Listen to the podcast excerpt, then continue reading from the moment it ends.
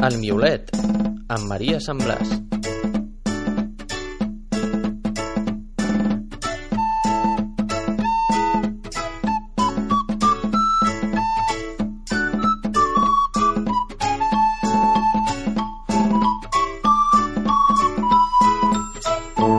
Què tal? Molt bona tarda a tothom. Benvinguts una setmana més al Miolet, el programa sobre animals de Matadepera Ràdio. A partir d'ara i fins les 9 gaudirem d'una estona amb tots vosaltres per parlar dels nostres companys de món, els animals. Durant aquesta hora que comença, els intentarem donar espai i veu, tractarem amb molt de rigor tot tipus de temàtiques relacionades amb els animals, sobretot centrarem l'atenció en els domèstics, però sense deixar de banda cap animal que necessiti ajuda ni cap tema interessant, des del Miolet parlarem amb associacions, experts, protectores i amants dels animals en general per fer possible un programa rigorós i compromès amb els nostres companys. També intentarem denunciar tot tipus d'injustícies i buscar una llar per a aquells que la necessitin per mitjà de la difusió per les zones i per les xarxes socials. I comencem un dimarts més al Miolet, el vostre programa sobre animals, però abans anem a fer un repàs als temes dels que us parlarem avui escoltant el menú del dia.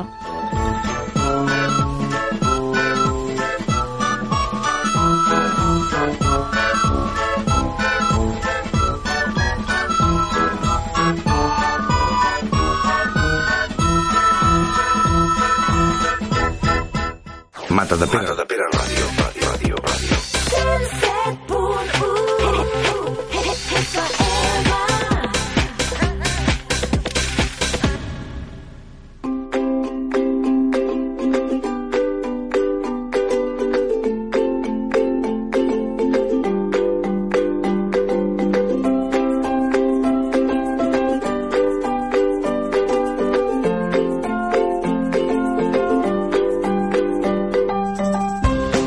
Avui entrevistarem a la Raquel Jaén, educadora canina a Barcelona, que porta molts anys tractant els animals. Us ajudarà a conèixer millor els vostres gossos i a crear un vincle molt especial amb ells.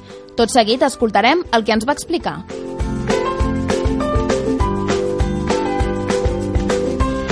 Després, la Patricia Rubio tornarà amb la seva secció d'animals que s'han fet famosos a internet i ens parlarà de dos gatets germans que tenen unes fotos molt divertides i molt maques a Instagram.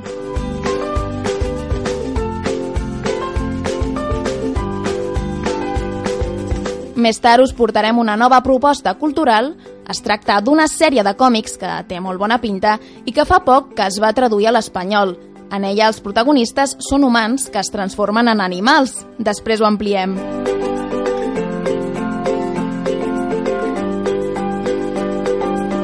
com sempre farem un recull de premsa en el que comentarem les notícies més importants i interessants que han anat passant aquests darrers dies.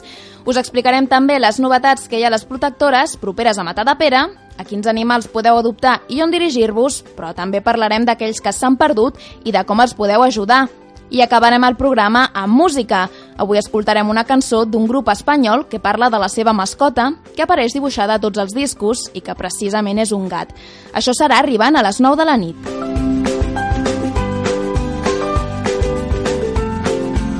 I recordeu que podeu seguir tot el que comentem aquí al Miolet en directe a través de les xarxes socials. Podeu buscar-nos a facebook.com barra almiolet i a twitter.com barra almiolet.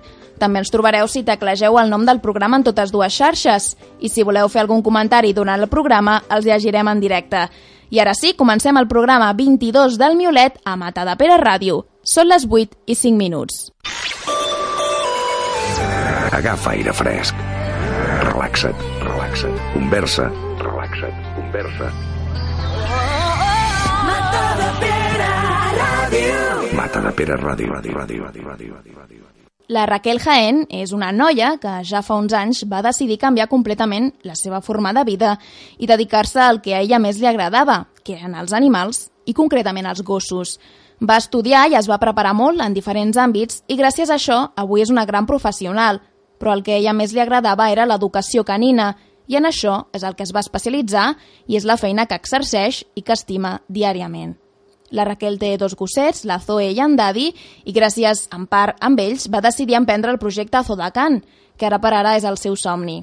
De moment segueix educant a tots els gossets que arriben a les seves mans i de la millor manera possible. fa servir la seva pròpia filosofia, perquè no creu en els extrems, però creieu-me quan us dic que sap perfectament de què parla i que és tota una professional. Des del Miolet vam tenir la sort de conèixer-la i li vam fer aquesta entrevista que tot just ara escoltem. Hoy nos encontramos con Raquel Jaén, educadora canina en Barcelona e impulsora de Zodacan, un proyecto que pretende ayudaros a educar a vuestros perros con mucha paciencia, trabajo, pero también con diversión, ¿no? Buenas tardes, Raquel. Hola, buenas tardes. Bueno, ¿cuál es la filosofía de Zodacan? Bueno, mi filosofía principalmente es el trabajo con el perro que se base en, en el respeto hacia el perro, que, que, esté con un sistema de trabajo basado sobre todo en un vínculo, en el entendimiento entre persona y perro y un método donde el juego con nuestro animal de compañía nos pueda ayudar con su educación, añadiendo una buena obediencia y evitando posibles problemas que puedan surgir en el futuro. Bueno, ¿y cómo surge la idea? Eh, la idea vino cuando estaba yo cada vez más apasionada por el mundo del perro y bueno, pensé que podría ayudar a muchas personas a cambiar su concepto sobre la educación canina que hay actualmente ahora aquí y yo realmente dedicarme a lo que más me gusta y me aporta en la vida, que es el mundo de la educación canina. Bueno, ¿y el nombre de, de dónde viene Zodacan? A ver, el nombre de Zodacan tiene, tiene su, su qué, ¿no? Parece que no tenga significado, pero realmente viene de, del nombre de mis perros, que son Zoe y Daddy, y Mascan de perro, que eso ya, ya es obvio, porque gracias a ellos son mis dos perros, mis compañeros de vida, y, gracias a ellos soy, soy lo que soy. Soy educadora canina gracias a Daddy, que es un chihuahua, a que, al que por la raza, por, por eh, estatura, son perros pequeños, normalmente no se ven adiestrados. Y, y, con él me saqué la titulación de educadora canina. Y luego tengo a Zoe, que es una mezclita de pastor con husky, con la que ella, con ella estoy mejorando y aprendiendo cosas nuevas. La verdad que los dos me ayudan a diario, muchísimo, y son, bueno, mis compañeros de aprendizaje todos los días. Entonces son los, digamos, los que primero entrenaste, ¿no? Bueno, no fueron los primeros perros con los que entrené. Estuve antes con los perros de un familiar mío, que era un pastor alemán y una mezclita de labrador. Con ellos di mis primeros pasos, pero bueno, empezaban. Tampoco realmente sabía mucho del tema, ¿no? Pero sí que fui toqueteando y también te voy a nombrar a Tommy, que es un, el chihuahuita de mis padres, que con él también hice muchas cositas para ser un perro pequeño. La verdad que, que fueron mis principios y no estuvieron mal. ¿Y por qué los chihuahuas son tan, se supone que son tan difíciles de educar? Bueno, realmente no es que sean difíciles de educar. Eh, lo que pasa es que estamos acostumbrados a que el chihuahua, el perrito pequeño, es el perrito que tiene que ir cogidito en brazos, porque pobrecito, porque es pequeño. Entonces lo que le, realmente le estamos haciendo un mal al, al animal, ¿no? Normalmente no se ven perros eh, adiestrados tipo chihuahua, pomeranias, yorkshire, se ven muy poquitos que tengan una obediencia, un adiestramiento bueno o básico e incluso avanzado. Por ejemplo, mi daddy, eh, con Daddy yo he hecho obediencia avanzada, he pasado el examen de educación canina, que son varias pruebas, y el tío lo ha hecho como si fuera cualquier otro perro. Lo único que, claro, con un perro pequeño, pues hay que tener las ideas muy, muy claras de lo que es un perro pequeño. Bueno, ¿y qué te llevó a hacer de educadora canina? Eh, bueno, yo llevaba años eh, apartada de todo el mundo. Yo estaba haciendo era comercial, era administrativa, no tenía nada que ver, no trabajaba en este mundo, pero la verdad que no me sentía completa. Así que un día lo dejé todo y me puse a estudiar todo lo que pude sobre animales y en, en general sobre el perro. Hasta que me adentré en el mundo de la educación canina y fue lo que realmente me cautivó. Bueno, pero antes ya serías una gran amante de los animales y de los perros. Sí, sí, sí. La verdad que siempre he sido gran amante de los animales, siempre que podía estar rodeada de ellos. Así que siempre que he tenido esa pasión escondida, ¿no? Que he luchado hasta hacer la realidad. Dejé todo mi trabajo anterior hasta que me centré en lo que realmente me gustaba. Y bueno, tuviste que formarte mucho. ¿Qué, qué hay que hacer para llegar a ser educadora canina? A ver, puedes realmente irte directamente a estudiar educación canina. Lo que en mi caso yo empecé de manera diferente. Yo me saqué la titulación auxiliar veterinaria, técnica veterinaria ayudante, seguí haciendo cirugía como ayudante, saqué también eh, el título en técnico en pequeños mamíferos, eh, tengo peluquería canina y llegué así como de medio sopetón ¿no? a la educación canina y realmente fue lo que más me apasionó y lo que me, me, me, me motivó para, para, el trabajo y para el día a día, realmente es lo que me motiva. Y sigo formándome, a día de hoy son, sigo en cursos, sigo en, en seminarios y sigo formándome a diario. Bueno, ¿y cómo fue el proceso desde que decidiste emprender el proyecto con Zodacan hasta que conseguiste los primeros alumnos? Bueno, Zodacan es un proyecto futuro, ¿vale? Empieza a tener forma ahora y esperemos ayudar a muchos perritos y propietarios que tengan problemas con sus perros.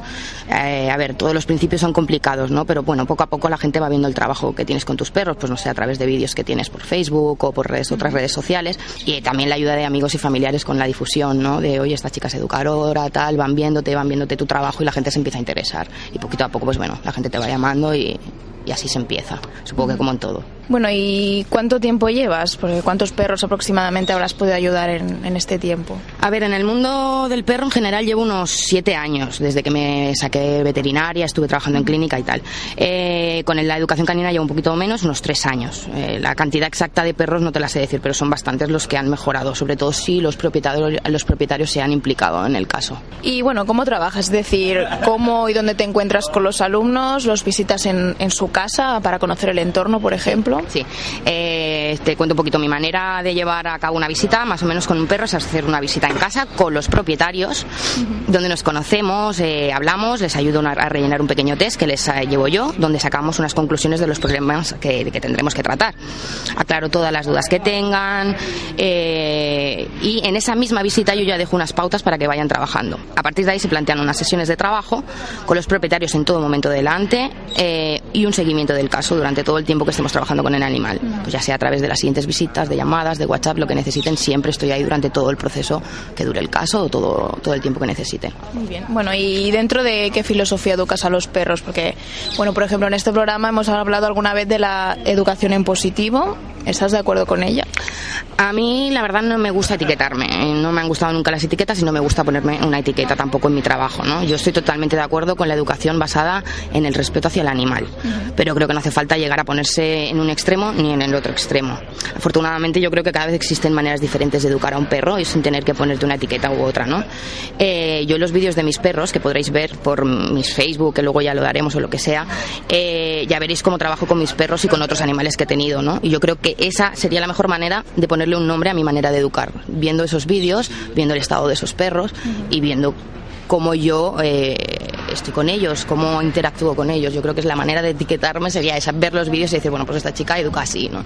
No, eres única. ¿no? no, no, no que sea única, pero sino que no quiero ponerme una etiqueta porque me parece una tontería, ¿no? Ponerse una etiqueta sobre yo soy positivista, no, yo soy tal. No, yo soy Raquel Jaén, educadora canina, tengo mi método y uh, bueno, ya está. Ni uno ni otro, no creo que haya no creo que hace falta llegar a un extremo ni al otro. Bueno, ¿y qué te parecen, por ejemplo, los métodos de que emplea César Millán en el programa de televisión? Bueno, está muy bien que me hagas esta pregunta porque me gustaría ante todo decir y concienciar a la gente que eso es show y televisión, ¿vale? Que ahí cortan y pegan donde les interese. Para mí eso no es mostrar realmente la evolución que tiene un perro. Hacen entender a la gente que con solo la presencia del educador ese día ya está el problema solucionado. Y... A veces parece que llega y Exacto, lo arregla. entonces nada más equivocado, no tiene nada que ver. Aparte de eso, que mi método de trabajo no tiene nada que ver con este hombre. ¿Por qué? Porque yo me baso en métodos de entendimiento con el perro. Para mí tener un buen vínculo con el perro es primordial. Que el perro no te tenga miedo es primordial. Si no, no puede haber una buena comunicación. Eh, y todo esto se hace a través de la confianza, del juego, de la actitud que tengas tú misma con el perro y sobre todo entendiendo al animal con el que estamos trabajando, porque cada animal es diferente, o sea, no podemos tratarlos a todos por igual. Entonces eso del líder de la manada, absurdo. Para mí es absurdo, eh, o llegar y poner un collar de algo nada más llegar sin, para según qué historias, para mí es absurdo. Yo creo que tenemos muchas herramientas los educadores caninos, ¿no? Para poder usarlas, pero bueno, saber, sabiendo cómo y cuándo hay que usarlas, no, no es llegar y venga, o el toque, lo, esta gente, eh, venga, llego, te doy el toque chiste y ya, y esta soluciona el problema, mentira, más que nada concienciar a la gente, ¿no? De que ven esos programas, luego llaman a un educador canino y, y no, no, la cosa no funciona así, exacto. Bueno, entonces, ¿cómo sería el proceso educativo de un perro? ¿Cómo los haces mejorar? A ver, el proceso educativo de un perro no es algo que sea inmediato, ¿vale? Pueden haber mejoras pronto si el propietario se implica y se hace caso a las pautas que se le van ofreciendo. Es un proceso y como todo proceso se llevará un tiempo y, y, necesita sus días. Normalmente, si todo se hace bien, hay unas semanas de mejoras constantes y a veces parece que hay un pequeño retroceso, no siempre. ¿Qué pasa? Que mucha gente ahí se desanima. ¿no? Es que a las semanas todo iba genial y de repente, bueno, pero esto es un proceso normal del perro y lo que tienes que hacer es no, ¿sabes? Seguir adelante y seguir con los objetivos que nos hayamos cumplido. Yo cuando voy a una visita, si nos, nos, marcamos el objetivo de que el perro llegue a tratar bien con otros machos, por ejemplo, si no se llega bien, bueno, pues si hay unas semanas de retroceso, sigamos trabajando porque eso, esa mejora va a llegar. No nos desanimemos por ese pequeño retroceso, que no siempre lo hay. Bueno, ¿y qué es lo que haces para entrenarlos? Pon, ponnos un poco unos ejemplos, ¿cómo les enseñas? ¿Jugando? ¿Con premios? Bueno, a ver, mi método ante todo es a través de la confianza con el animal y entendiendo lo que cada animal necesita. Ya que cada perro, como te he dicho, cada perro es un mundo, no los podemos a- tratar a todos por igual, ¿vale? Al principio siempre a través de, yo al menos al principio siempre a través de premios y juego, ¿vale? Haciendo un buen control de recursos por parte de los propietarios, esto ayudará a que todo funcione. Hay perros, por ejemplo, que trabajan mucho mejor con chuches. Pues todo esto controlando su comida, eh, si los propietarios quieren controlar ese, recurso, que sería la comida, podremos programar unas sesiones de entrenamiento basados en el refuerzo positivo de la comida. Por el contrario, también hay perros que, oye, les das una chuche y no quieren saber nada, les gusta más jugar. Y realmente eh, ahí yo voy mucho, ¿no? Mm, Yo creo que lo que debe- deberíamos conseguir con todos los perros es que en vez de a través de chuches, lo hicieran a través de juego, ¿no? ¿Qué pasa? Que con el juego, a través del juego, podemos aprender y a educarlos, a entenderlos y a ofrecerles de una manera divertida lúdica un aprendizaje y una forma de comportarse mientras el perro está jugando. El perro se lo pasa bien, pero al mismo tiempo está aprendiendo. Como que no se da cuenta que todo. Exactamente, exactamente. No lo estás hinchando a chuches, cosa que yo uso mucho, eh, uso muchísimo las chuches, pero por ejemplo ahora con Zoe, que es la última perra, he aprendido un poquito más, todo lo he derivado más al juego. La verdad que todo ha ido más rodado, porque a través del juego ya se lo pasa pipa, yo me lo paso pipa con ella, de verla disfrutar y es que aprende sola. Bueno, ¿y alguna vez has tenido algún caso más difícil? ¿Algún perro que se te haya resistido más? Sí, sí, claro que sí. Siempre te encuentras casos que se resisten más, sobre todo cuando empiezas, supongo que como todo, ¿no? Pero poco a poco te vas dando cuenta de la importancia que tienen los propietarios cuando estamos tratando a un perro, ¿no? Mucha gente se piensa eso, que con la presencia de la educadora está todo hecho. Eh, yo pongo, la verdad que cuando voy a un cliente yo pongo toda de mi parte, mis conocimientos, explicaciones, les enseño a cómo hacer las cosas, pero luego tiene que haber un mínimo de trabajo posterior y diario hasta la siguiente sesión que hayamos quedado. Porque si no, todo eso queda muy parado, ¿no? Voy yo una semana, voy un día, si se trabaja durante una hora, una hora o dos, pero luego si eso se queda ahí parado, el trabajo no sigue. Entonces, concienciar a la gente que, que sí, que se puede, pero hay que trabajar también por parte de los propietarios, hay un trabajo posterior. Bueno, y normalmente, ¿cómo son los perros que te llegan para ser entrenados? ¿Qué tipo de problemas o faltas presentan? Vale, la mayoría, a ver, son perros con problemas de conducta. Casi todos tienen- te vienen con problemas de conducta y la ansiedad por separación. Es uno de los temas que nos encontramos muchísimo. ¿Qué hay de bueno en estos problemas de, los, de estos perros? Que cogidos a tiempos tienen una solución o mejoras. ¿Qué pasa? Que la gente normalmente espera mucho para acudir a un profesional. Y cuando llegamos nos encontramos con un perro que a lo mejor tiene una ansiedad por separación de hace dos o tres años. ¿Podemos mejorarla? Por supuesto. ¿Nos va a costar más? Sí. Por eso también concienciar que ya sabemos que estamos en malos tiempos, ¿no? Y, y quizás la educación canina es ahora mismo algo que dejamos más apartado, ¿no? Pero el animal que tenemos al lado, si lo queremos ayudar, cuanto antes, supongo que como todo en la vida, cuanto antes lo cojamos, mejor. ¿Y lo que más te piden los clientes qué podría ser? Eh, piden sobre todo mucha obediencia para poder controlarlos. La gente quiere llevarlos sueltos, no, no, no vienen a la llamada, eh, no hacen un- las, no tienen una convivencia básica. Entonces quieren que estén bien en parques, quieren que les hagan caso, quieren poder salir con ellos por la montaña y controlarlos. Entonces o te vienen con problemas de conducta, de agresividades, ansiedades por separación, como te he comentado, o te piden obediencia, obediencia y obediencia para poder controlarlos, porque bueno, no, no lo saben controlar, no atienden a sus órdenes. Y ahí es donde, bueno, poquito a poco se les va ayudando. Bueno, y esto también te lo he preguntado así un poco antes con lo del chihuahua, pero ¿hay razas más difíciles de educar que otras? Sí, a ver, eh, hay razas más difíciles o que están más predispuestas a ser más difíciles de entrenar. Te puedo poner ejemplos si quieres, ¿no? Por ejemplo, los huskies, que son más independientes, tienen el puntito más de independencia. Los bulldogs, que son cabezotas.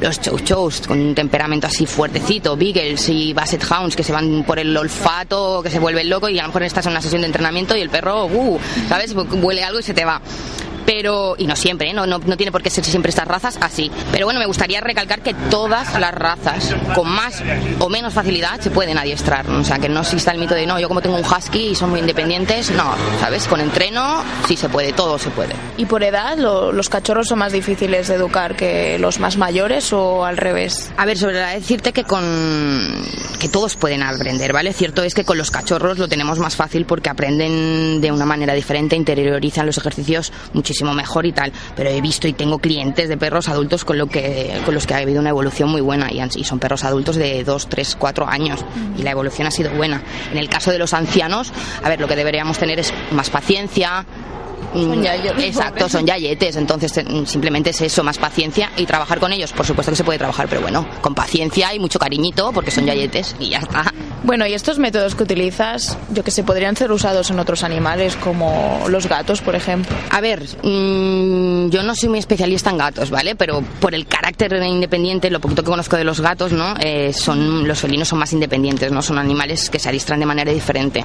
Hay profesionales del, del sector de los gatos, que animo a la gente que tenga gatos, que también hay educación para gatos, que se pongan en contacto con profesionales, eh, educadores eh, de, de felinos, que los hay muy buenos y que también les podrán ayudar a, a sus problemas con sus gatos. Bueno, y ya que hablamos de esto, ¿te gustaría aprender sobre la educación de algún otro tipo de animal o prefieres seguir formándote en el mundo del perro? A ver, a mí me encantaría formarme en el mundo del caballo, ¿no? Me encanta el mundo del caballo. Pero realmente hoy por hoy estoy en el mundo del perro. Es lo que me gusta, es lo que realmente me apasiona y es lo por, por lo que quiero, por lo que lucho a diario, ¿no? Y por lo que quiero seguir luchando. Así que de momento dejamos los caballos para el futuro y me quedo con los perros actualmente. Bueno, ¿y los perros qué, qué es lo que tienen que les hacen tan especial para ti? Bueno, yo te voy a dar mi opinión, ¿no? Supongo que cada uno tiene su opinión, ¿no? Pero, a ver, hay un refrán que dice que, que muchos perros son mejores que las personas, ¿no? Y yo creo que, que en cierta parte tiene razón, ¿no? Porque qué persona, por ejemplo, te espera sí o sí incondicionalmente, qué persona sí o sí incondicionalmente quiere ir contigo a todos los lados, qué persona sí o sí incondicionalmente estés bien o mal te va a venir a saludar. Pocas o ninguna, ¿no? O muy pocas, con suerte alguna. Sin embargo, los perros te dan todo eso y mucho más. Aparte de lo muchísimo que ayudan al humano, los perros de, de- de ciegos, perros que hacen búsquedas, búsquedas de personas desaparecidas, de sustancias olorosas, o sea, nos hacen, un- nos ayudan de una manera incondicional. Yo creo que solo con eso ya he dicho demasiado, ¿no? De por qué son especiales, son, son realmente especiales. Bueno, y ahora que sacas este tema, hay gente que no está de acuerdo con que los perros hagan este tipo de, bueno, de trabajos, entre comillas. ¿Tú qué opinas de esto? Eh, es una buena pregunta que me la hagas, porque la verdad que hay mucho debate sobre este tema. Eh, yo te voy a dar mi opinión más sincera, ¿no? Eh, la gente tiene, creo, una opinión un poquito equivocada de lo que es el perro, entre comillas, llamado de trabajo, porque si lo llamas de trabajo ya te, ¿sabes? Ya te dicen, ostras, un perro de trabajo, ¿qué quiere decir? Vamos a ver, al perro de trabajo se le llama al perro que ayuda al ser humano a realizar una tarea, pero el trabajo sustitúyelo por juego, porque es lo que te hablaba antes. Yo a mi perra eh, está iniciada en búsqueda eh, para empezar a, in- a que busque, a que ya, ya- luego ya veremos en qué la derivamos, ¿no? Si será búsqueda de sustancias olorosas, búsqueda de personas, ya veremos. Pero mi perra está aprendiendo todo el tema de búsqueda a través del juego. O sea, ella se lo pasa pipa buscando. Claro. Entonces, claro, mucha gente, ah, para trabajo. Bueno, pero es que tú no sabes lo que está disfrutando mi perra. Ella está jugando, ella se está divirtiendo. Ella para encontrar un olor, es su- lo que tiene, por ejemplo, en su mente en el tema de los olores, es que al final va a jugar conmigo, ya sea con su mordedor, ya sea con su pelota. Ella no está trabajando, ella está disfrutando. Piensa en su premio, por Claro, o sea, lo que, eh, lo que le metemos mucha mente humana. Claro, estamos pensando como humanos y no como perros. Y la- el humano que tiende a decir, hostia, un perro de trabajo, no, el perro tiene que ser a compañía, amor, no. Hostia, hay perros que son muy. Están, eh, tienen genéticamente el trabajo, llámalo así, en la sangre. Quieren trabajar, quieren ayudar, quieren aportarte, quieren estar contigo. Pues qué mejor manera, si lo podemos, claro, hay muchas maneras de enseñar todo esto, ¿vale? Que tampoco confundir a la gente, pero si tú, usas un buen método y una buena base, yo estoy totalmente de acuerdo con que un perro nos pueda ayudar en, en la sociedad actual que estamos para cualquier tema. Bueno, ¿y crees que es posible que humanos y perros se lleguen a comunicar de una forma que se entiendan casi a la perfección? ¿Es posible crear este vínculo tan fuerte entre dueño y mascota? A ver, yo creo que es posible, siempre y cuando dueño y perro hayan trabajado eso y sobre todo que la persona se forme para conocer mejor al animal y la mente del animal, ¿no? El vínculo es, eh, a ver, es algo que se trabaja y que se crea y si se hace bien se puede llegar muy lejos con el vínculo a un animal.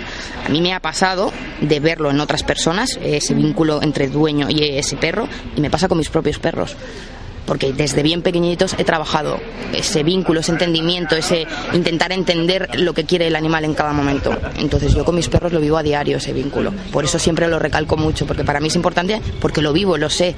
Y bueno, ¿podrías dar algunos consejos para los oyentes sobre cómo empezar a crear un ambiente más adecuado para el perro en casa o qué habría que hacer para que se sienta más cómodo con nosotros? Puedo dar unos consejitos básicos, ¿no? Que pueden ayudar a, crear- a empezar a crear un buen vínculo, a, a que haya una buena convivencia con nuestro perro. No a ver, por ejemplo, desde pequeños acostumbrarlos a nuestras caricias. Es súper importante que los toquemos, que se acostumbren a que los toquemos, a que los acariciemos. Que haya una buena socialización con todo tipo de perros, en todo tipo de personas, en todo tipo de situaciones. jugar con nuestro perro. Y esto que voy a decir es muy importante. Jugar con nuestro perro sabiendo lo que le gusta al perro, no lo que nos gusta a nosotros. ¿Por qué digo esto? Porque hay gente que dice, no, yo me llevo al parque la pelota y tiro la pelota. Pero es que a lo mejor a tu perro le gusta jugar a la cuerda. O le gusta, y como estamos pensando en mente humana, no en mente perro, no, haz que tu perro disfrute con lo que le guste disfrutar a tu perro, no con lo que te guste a ti hacer. Más cosas, el acicalarlos, el asearlos, el peinarlos, hacen que crees un vínculo con, con ellos desde pequeñitos. Estoy hablando si lo vas haciendo desde pequeñitos, eso va creando vínculo, darles una buena base de obediencia, equilibrarlos para que haya una buena convivencia diaria con nuestro animal enseñarles el autocontrol, que para mí es muy importante. Estar por el perro cuando salimos, no llegar a un parque y soltarlos, ponernos a hablar y que el perro vaya haciendo en cada momento lo que le dé la gana ahí, ahí se rompe el vínculo totalmente. No, no me ofreces nada, por lo tanto yo me voy a hacer lo que me parece y punto. Toda, a ver, son, hay muchísimas más cosas ¿no? que podría decir, pero bueno, en, en resumen, todas estas cositas nos podrían ayudar a empezar a tener un buen entendimiento con nuestro animal. Que son cosas básicas. Son cosas ¿no? básicas, sí, pero mucha gente se las salta. ¿no? Entonces, recalcar al menos las básicas y decir que el vínculo se va a crear a partir de aquí. Hay muchas cosas más para crear vínculo, ¿no? ¿no? Pero si empezamos por aquí, para mí ya, ya hay, una, hay una pequeña base importante hecha. Bueno, ¿y cómo podrían contactar contigo los que estén interesados en educar a su perro? Eh, bueno, pues a través de mi Facebook personal, que es Raquel Jaén Educadora Canina Barcelona, a través de la página de Zodacan, de Facebook también, que es Zodacan Educación Canina Barcelona, o un email que tengo también, que es raquel.zodacan.com. Y un poco la valoración que haces de todo este tiempo como educadora y de los proyectos que tienes con Zodacan. A ver, la verdad es que es bastante buena, ¿vale? Estoy con muchas ganas de seguir trabajando, de seguir mejorando, disfrutando de mi profesión ayudar a otras personas, ayudar a muchísimos perros, espero, espero que llegue, y con el pensamiento en la cabeza de que bueno, que Zodacan siga creciendo y como dice mi frase que siempre digo, que podamos seguir construyendo sueños, que para mí es primordial acabar la entrevista así, ¿no? Decir a la gente que sí se puede, sí se puede. Pues muchísimas gracias Raquel. Gracias a ti. We're going to run and play and seize the day. There ain't nothing like chasing your cares away with you. Oh, with you. Bé, doncs aquesta era la Raquel Jaén, educadora canina a Barcelona i una enorme amant dels gossos, com heu pogut escoltar. Fa una tasca molt interessant i, de veritat, és una persona molt preparada i que sap molt bé del que parla. Per tant, és sens dubte l'educadora perfecta per deixar-li als vostres gossos si considereu que tenen un problema. Recordeu que, com ens ha explicat la Raquel, si veieu que el vostre gos es comporta de forma estranya o fa coses que abans no feia i estan fora del normal, heu de posar-li solució el més aviat possible. Quan més trigui el gosset a ser tractat, més difícil de solucionar serà el problema. Així que ja sabeu, no us ho penseu. I si voleu contactar amb la Raquel per a que us ajudi, recordeu que la trobareu al seu Facebook personal, Raquel Jaén Educadora Canina Barcelona, o a la seva pàgina de Facebook també, que és Zodacan Educación Canina. I per cert, també tenen una pàgina web, zodacan.com, on us podreu informar perfectament de tot el que vulgueu saber. Moltes gràcies a la Raquel per obrir-nos al món de l'educació canina i per explicar-nos també els seus mètodes. I moltíssima sort amb Zodacan.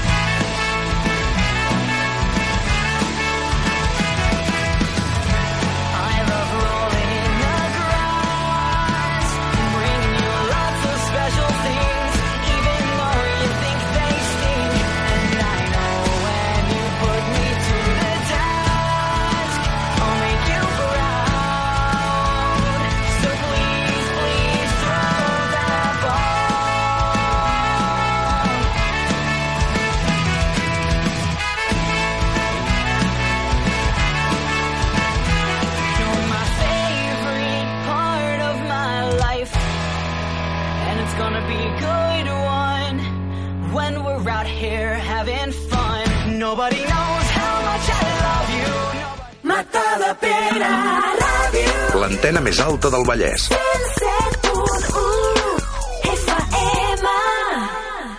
I quan són dos quarts ha arribat el moment de que la nostra col·laboradora, la Patricia Rubio, ens parli d'un animal que s'ha fet famós gràcies a internet. Aquesta setmana ens parla de l'Alice i en Finnegan, dos gatets siberians germanets que s'han fet molt famosos a Instagram però ara ella ens ho amplia. Molt bona tarda, Patrícia. Molt bona tarda a tots i a totes. Aquesta setmana ens trobem de nou aquí al Miolet per parlar sobre animalons famosos a internet.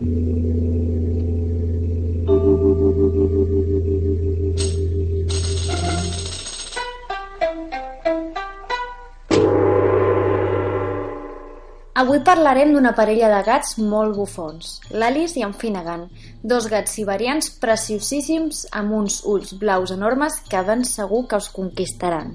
Els dos gatets són germans i encara que tenen uns noms molt irlandesos, viuen a Toronto amb les seves ames, la Mònica i la Holly, que ves per on també són germanes. Voleu veure l'Alice i en Finnegan? Doncs us deixem al Facebook del Miolet la seva pàgina, anomenada Peter Patter Furry Fit, perquè així pugueu veure la parelleta de mitjos. Looking over our new domicile. If we like, we stay for maybe quite a while. Com veieu, els dos gats són molt i molt semblants, però no obstant són completament diferents. La Mònica comenta que així com l'Alice és una gata independent, molt calmada i en general no vol moltes carícies, en Finnegan és totalment lo contrari. Ell és molt carinyós, miule i li agrada esperar fora de la dutxa perquè li donin mimos, encara que això signifiqui mullar-se una micona. I ja sabem com són els gats amb l'aigua, eh?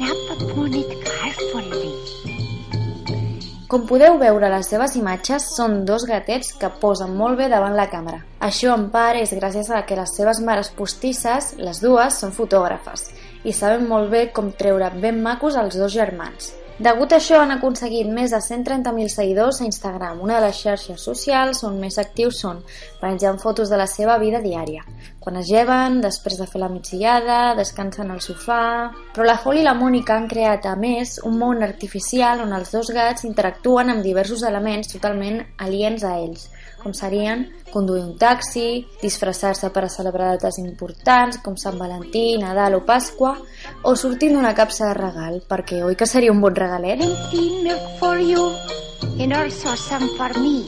Si en canvi us interessa més veure en acció els dos gatets, podeu optar pel seu perfil de Vine, una xarxa social de vídeos on pengen també diàriament vídeos dels dos gats interactuant i jugant entre ells. Us asseguro que són molt i molt divertits. De fet, el treball que realitzen la Mònica i la Holly amb les seves mascotes és tan intensiu i tan cuidat que es pot aprofitar com una manera més de promocionar el seu treball, ja que les dues es dediquen a la fotografia. I dins de la fotografia, la fotografia de mascotes. Però hi trobem una subtil diferència, i és que el carinyo i l'amor que professen els animals als seus amos, i també a l'inrevés, són patents a les imatges que realitzen, molt més properes i sinceres, no creieu? Quan feu fotografies dels vostres animals, no noteu aquesta sensació? Doneu la vostra opinió al nostre Facebook i al nostre Twitter i ens escoltem la setmana que ve amb més històries peludes. A reveure! Be a head for you, a tail for me. Doncs moltes gràcies, Patrícia, i fins la setmana que ve. I vosaltres, oients, recordeu que podeu contestar la pregunta que ens fa la Patri a les nostres xarxes socials. Quan feu fotografies dels vostres animals, noteu una connexió especial amb ells? Ja sabeu, podeu dir la vostra opinió a facebook.com barra o al Twitter esmentant-nos amb l'usuari arroba el Miolet. Do you hear what I hear? A baby cry. Where we finding baby, there are milk nearby. If we look in baby buggy, there could be plenty milk for you and also some for me.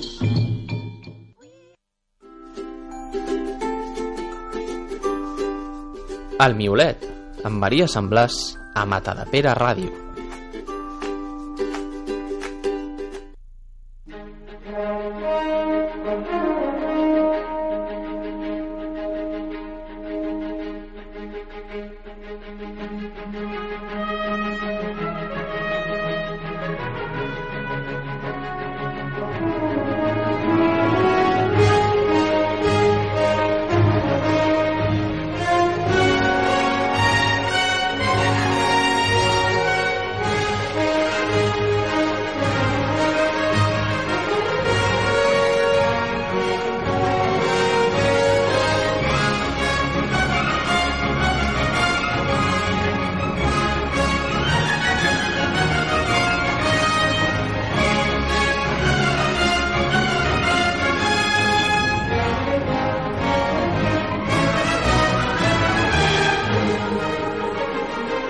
Anem ara amb la proposta cultural d'avui. Com sabeu, cada setmana us parlem d'algun producte cultural, ja siguin llibres, pel·lícules, videojocs o pàgines web que us puguin interessar i que, per suposat, com tot en aquest programa, estiguin relacionats amb els animals.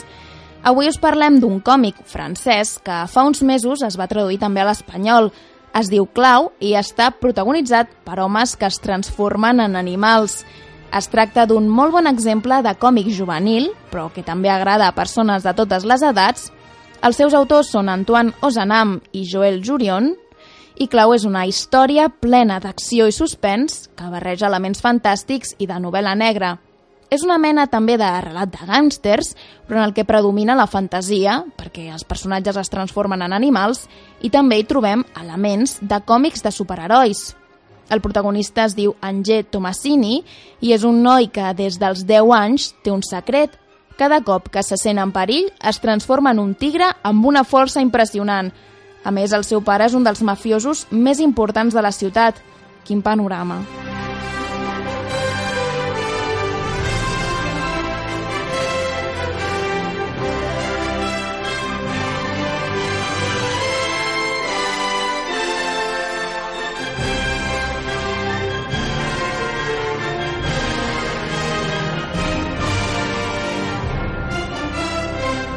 Els autors es basen en els tòtems, és a dir, en aquells objectes que en les mitologies d'algunes cultures es prenen com a emblema d'una tribu i que tenen forma d'animal, bé, doncs es basen en aquests tòtems per a construir una mitologia en la que 24 famílies, cadascuna representada per un animal, s'enfronten entre elles. La història està ambientada en un moment en el que només queden 12 d'aquestes 24 famílies, que per si no ho heu entès són diferents clans mafiosos, i cadascuna té a dos guerrers capaços de convertir-se en animals, com el nostre protagonista, en Ange. Al final, el jove personatge haurà de decidir si ajuda el seu pare a enfrontar-se a les altres famílies o si escapa per sempre d'aquest món que no li agrada gens. Amb tots aquests elements es construeix un còmic genial que encara s'està publicant a França i que va arribar a Espanya més lentament. De moment porta tres episodis publicat a França i aquí s'han recollit tots tres en un volum integral i en el que s'han respectat a l'original. Els dibuixos estan influenciats pel manga i també pel cinema i això fa que tot el còmic tingui un ritme frenètic. De ben segur que se'n podria fer una molt bona pel·lícula d'animació amb aquest còmic, però bé, de moment el podem llegir, que recordeu s'anomena Clau, K-L-A-W, i que aquí a Espanya el publica Ninth Edicions.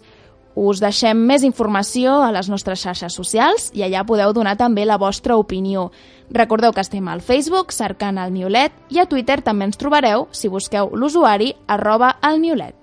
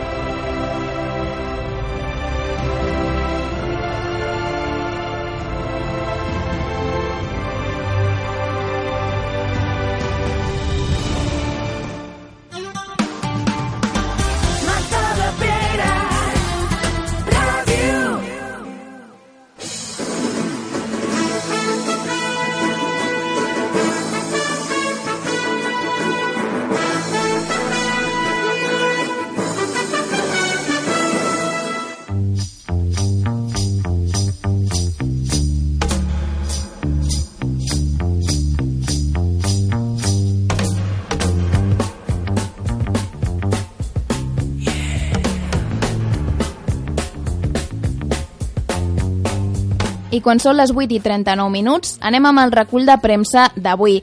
Cada setmana comentem aquelles notícies més importants relacionades amb els animals que han anat succeint durant aquests darrers dies. Comencem amb una informació d'aquí de Catalunya i és que els agents rurals van rescatar 8 serps d'un pou abandonat que actuava com a trampa mortal. Aquestes serps són espècies protegides i es trobaven atrapades en un pou de pedra al municipi del Canó, al Segrià. Els anys rurals es trobaven fent un inventari de patrimoni arqueològic a la zona quan de sobte van fer aquesta troballa. De fet, van poder rescatar-ne vuit, però hi havia nombrosos cadàvers de serps autòctones a dins del pou, que era una trampa mortal. Aquest pou i d'altres molt semblants que hi ha escampats per la zona, així com cisternes i d'altres dipòsits subterranis, han quedat en desús amb l'abandonament de l'activitat agrícola, però ara encara en queden i representen un perill molt gran tant per a serps com per d'altres rèptils, també per a amfibis i mamífers més petits. El pou del canó, d'on van ser rescatades les serps, a més, tenia una fundària de 3 metres i les parets interiors eren totalment llises. Tampoc estava ben tapat i no tenia cap manera de permetre que la fauna sortís de l'interior. Després d'inspeccionar-lo, els agents rurals van poder treure vives una serp verda i set de blanques. Totes són espècies protegides i van ser alliberades al mateix territori.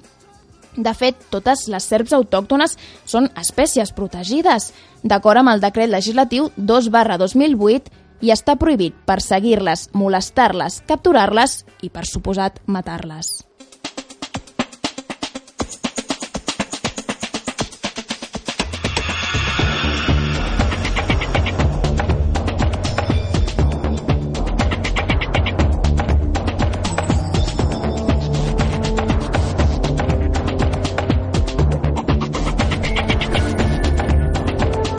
Seguim comentant notícies sobre animals amb tots vosaltres aquí al Miolet. Tot just ara anunciem una campanya que s'inicia avui i que s'anomena Soc responsable. I què pretén aquesta campanya? Bé, doncs impulsar que les persones amb animals de companyia esterilitzin i identifiquin els seus animals. També, per suposat, vol informar a la ciutadania de l'obligació legal que tenen d'identificar els seus animals amb el microxip i amb la xapa corresponents i que s'han de tenir enregistrats en el cens municipal.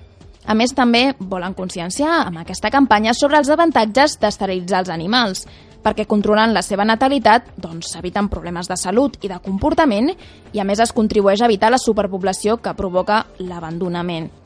La iniciativa Soc Responsable també vol identificar i esterilitzar el major nombre d'animals possibles per controlar la natalitat i per millorar el seu benestar, i també pretén ajudar a optimitzar els recursos de l'administració que l'administració pública i que les entitats protectores privades destinen a aquest fet per evitar la llarga doncs, la recollida i l'acollida d'animals perduts i abandonats. Escoltem a la presidenta de FADA, Carla Cornellà, parlant sobre la iniciativa en la presentació que es va fer l'any passat. Des de FADA, aquesta iniciativa, a banda de que ens la prenem amb molta il·lusió, creiem que realment és efectiva, no? perquè ajuda als animals en primer lloc, ajuda també a les persones i especialment doncs, eh, bueno, creiem també que de forma col·lateral també és un bé per les administracions públiques que estan tan implicades amb, amb tota aquesta acció aquesta campanya que l'associació FADA ja porta uns anys fent s'inicia avui i tindrà lloc fins al proper 30 de maig. Durant tots aquests dies se us ofereix una reducció del preu total de la identificació amb xip i de l'esterilització del vostre gos, gat o fura. Així que si encara no el teniu identificat o esterilitzat pel motiu que sigui, ho podeu fer molt més barat gràcies a aquesta iniciativa. El que heu de fer per aconseguir-ho és entrar al web socresponsable.org i omplir el formulari d'inscripció. Se us donarà un número d'inscripció que haureu d'apuntar-vos i llavors heu de demanar pressupost total als diferents veterinaris que la pàgina web ofereix, triar-ne un i demanar-li hora amb el número d'inscripció que se us ha donat. Podeu inscriure la vostra mascota des d'avui fins al 30 de maig inclòs, així que teniu molt de temps. Si encara sou dels que penseu que identificar i esterilitzar el vostre animal no és necessari, doncs feu-li un cop d'ull a la web socresponsable.org perquè es donen moltíssimes raons i molt ben explicades, però nosaltres doncs, us donarem unes quantes. La veritat és que és molt bo pels amos perquè us estalviareu molèsties i diners en el futur, també és bo pels gossos i pels gats perquè ajudareu a mantenir el control de les seves poblacions i a que el nombre d'abandonaments doncs, baixi. També és bo per la societat perquè els animals abandonats poden representar un perill per a ells mateixos però també per les persones. També és positiu pel teu animal perquè gaudirà d'una millor salut física i també psicològica i també per a les protectores perquè entraran molts menys animals als refugis i centres d'acollida i serà molt més fàcil gestionar-los. Així que ja sabeu, aprofiteu aquesta iniciativa, ideada per FADA, amb la que podreu identificar i esterilitzar els vostres animals a un preu molt més reduït del normal. Comença avui i tindrà lloc fins al proper 30 de maig.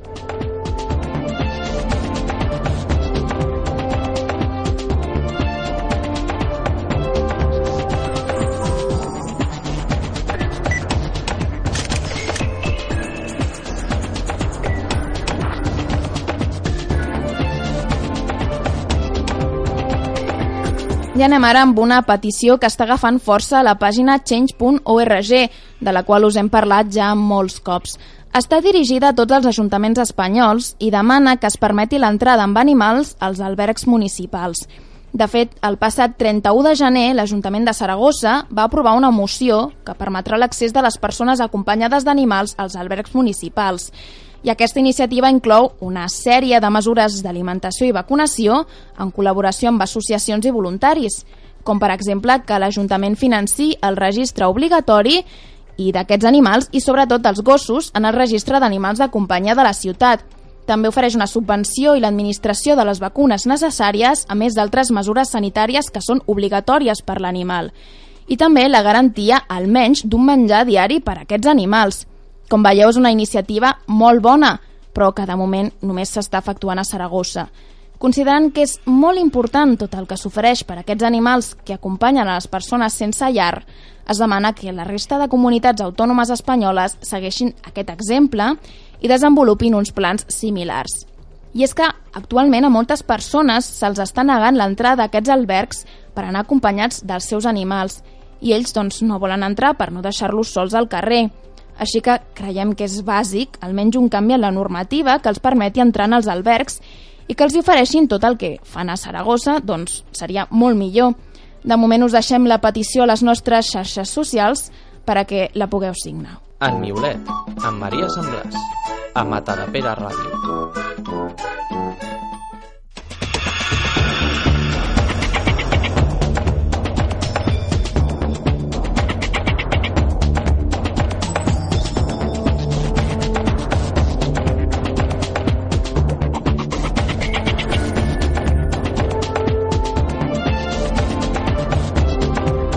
I acabem aquest recull de premsa amb una altra petició que també agafa força a change.org. Està dirigida a l'Ajuntament de Tarragona i demana retirar la venda d'animals en el Mercat Generalista de la Rambla que fan els dimarts i els dijous. Durant anys s'han estat venent animals en aquest mercat de Tarragona en unes condicions horribles.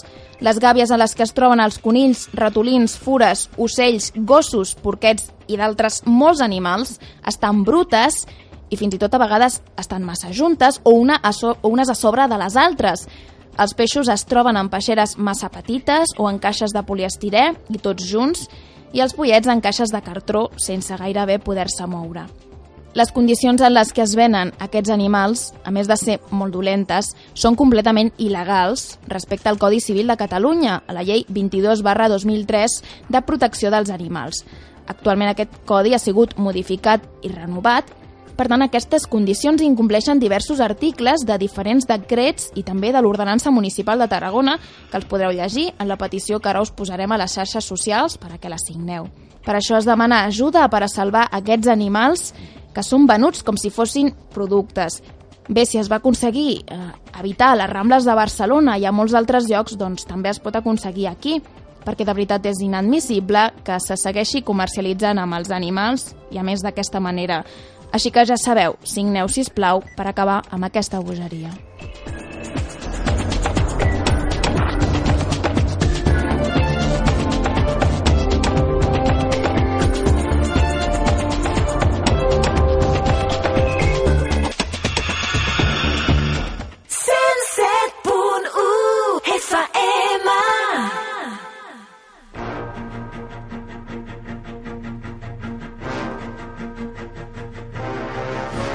Make it bend and break. Say a prayer, but let the good times roll. In case God doesn't show. And I want these words to make things right, but it's the wrongs that make the words come to life. Uh, Who does he think he is? If that's the worst you got, better put your I ara, com cada setmana, us parlem d'aquells animals que necessiten una llar o que s'han perdut i és urgent trobar els seus amos o una nova casa amb gent que els estimi de veritat. Comencem parlant d'una gateta de 5 anys que va aparèixer en el jardí on viuen els gatets de la colònia Universigats, a qui vam entrevistar fa unes quantes setmanes. Bé, resulta que necessita una adopció bastant urgent perquè actualment es troba en una casa d'acollida, però la seva cuidadora no se'n pot fer càrrec durant molt més temps. És una gateta persa de color gris molt maca i simpàtica. Si us interessa, heu de contactar amb Universigats al mail universigats.gmail.com i us faran contractar d'adopció. Ara us pengem la seva fotografia al nostre Facebook i de veritat veureu que és maquíssima. I seguim amb dos gatets més que necessiten també adopció. Amb dos es troben a la protectora Caldes Animal, a Caldes de Montbui. La primera és la Niagra, una gateta preciosa i molt jove, d'un any aproximadament. És bicolor, mig tigrada i mig blanca, i té els ulls blaus. A més, fa poc li van fer una intervenció mèdica, concretament una biòpsia, i els resultats són positius. Per tant, està perfecte. I l'altre cas és el d'un cadell mascle que va néixer el passat 13 de febrer, per tant és superpetit i molt guapo. Quan tingui un mes i mig, com a mínim, podrà separar-se de la seva mare, però encara ha d'estar amb ella. De moment li estan buscant una llar per a que quan estigui llest pugui tenir una vida digna i una família que l'estimi. Us penjarem totes dues fotos al nostre Facebook i si us interessa només heu de contactar amb Caldes Animal al mail caldesanimal arroba caldesanimal.org també amb el telèfon 666 52 61 81.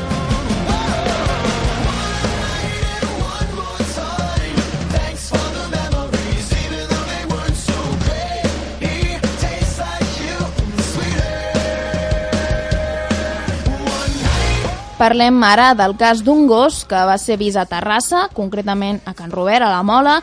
És un podenc de color marró, molt alt i prim, també porta un collaret de color marró. Les persones que el van trobar li van donar de menjar i de beure, però no es deixava agafar perquè tenia molta por.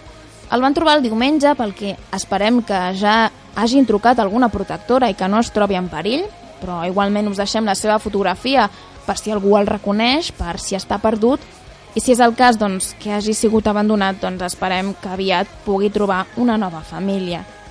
I acabem amb el cas d'un gat que va ser trobat a Sabadell i uns veïns el van recollir del carrer al barri dels Marinals. És un siamès d'ulls blaus i demanen si us sona o si en sabeu alguna cosa. Aniran a veure si porta xip i bé, de moment us pengem la foto al Facebook per si el pugueu reconèixer. I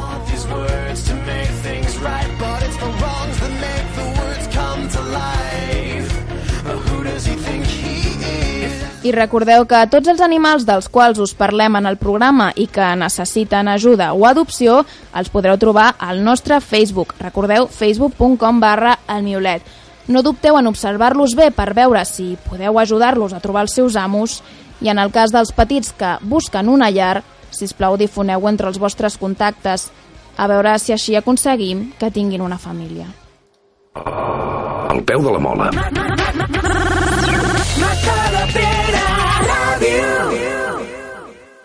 Orgulloso de estar, orgulloso de estar entre el proletariado. Es difícil llegar a fin de mes y tener que sudar y sudar para ganar nuestro pan. Este es mi sitio, esta es mi gente, somos obreros, la clase preferente.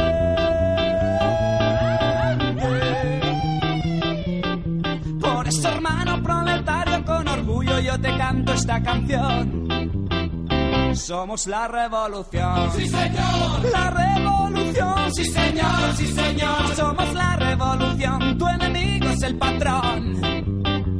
Sí, señor. Sí, señor. Somos la revolución. ¡Viva la revolución! Estos son los cojones de aguantar a sanguijuelas que me roban mi dignidad.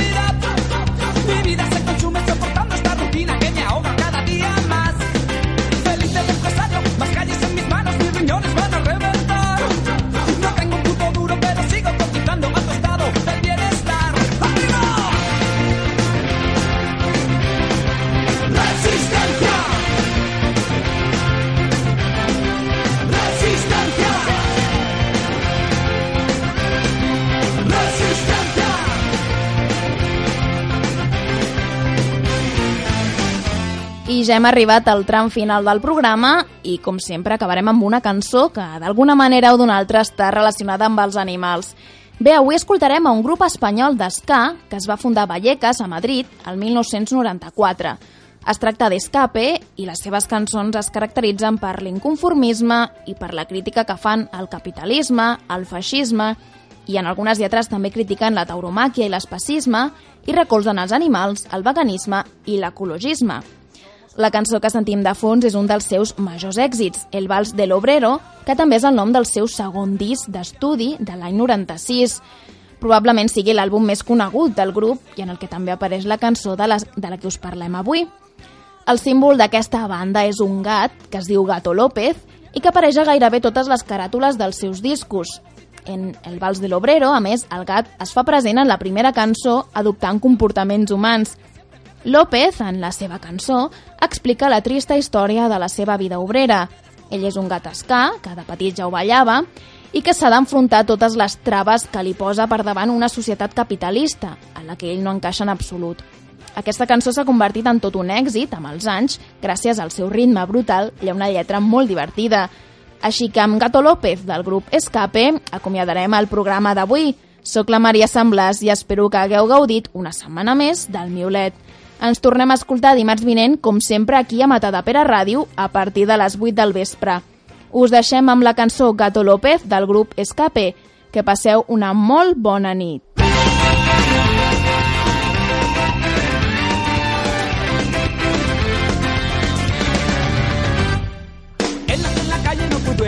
Entre escombros y basuras tuvo que vivir. La calle le hizo puerta y se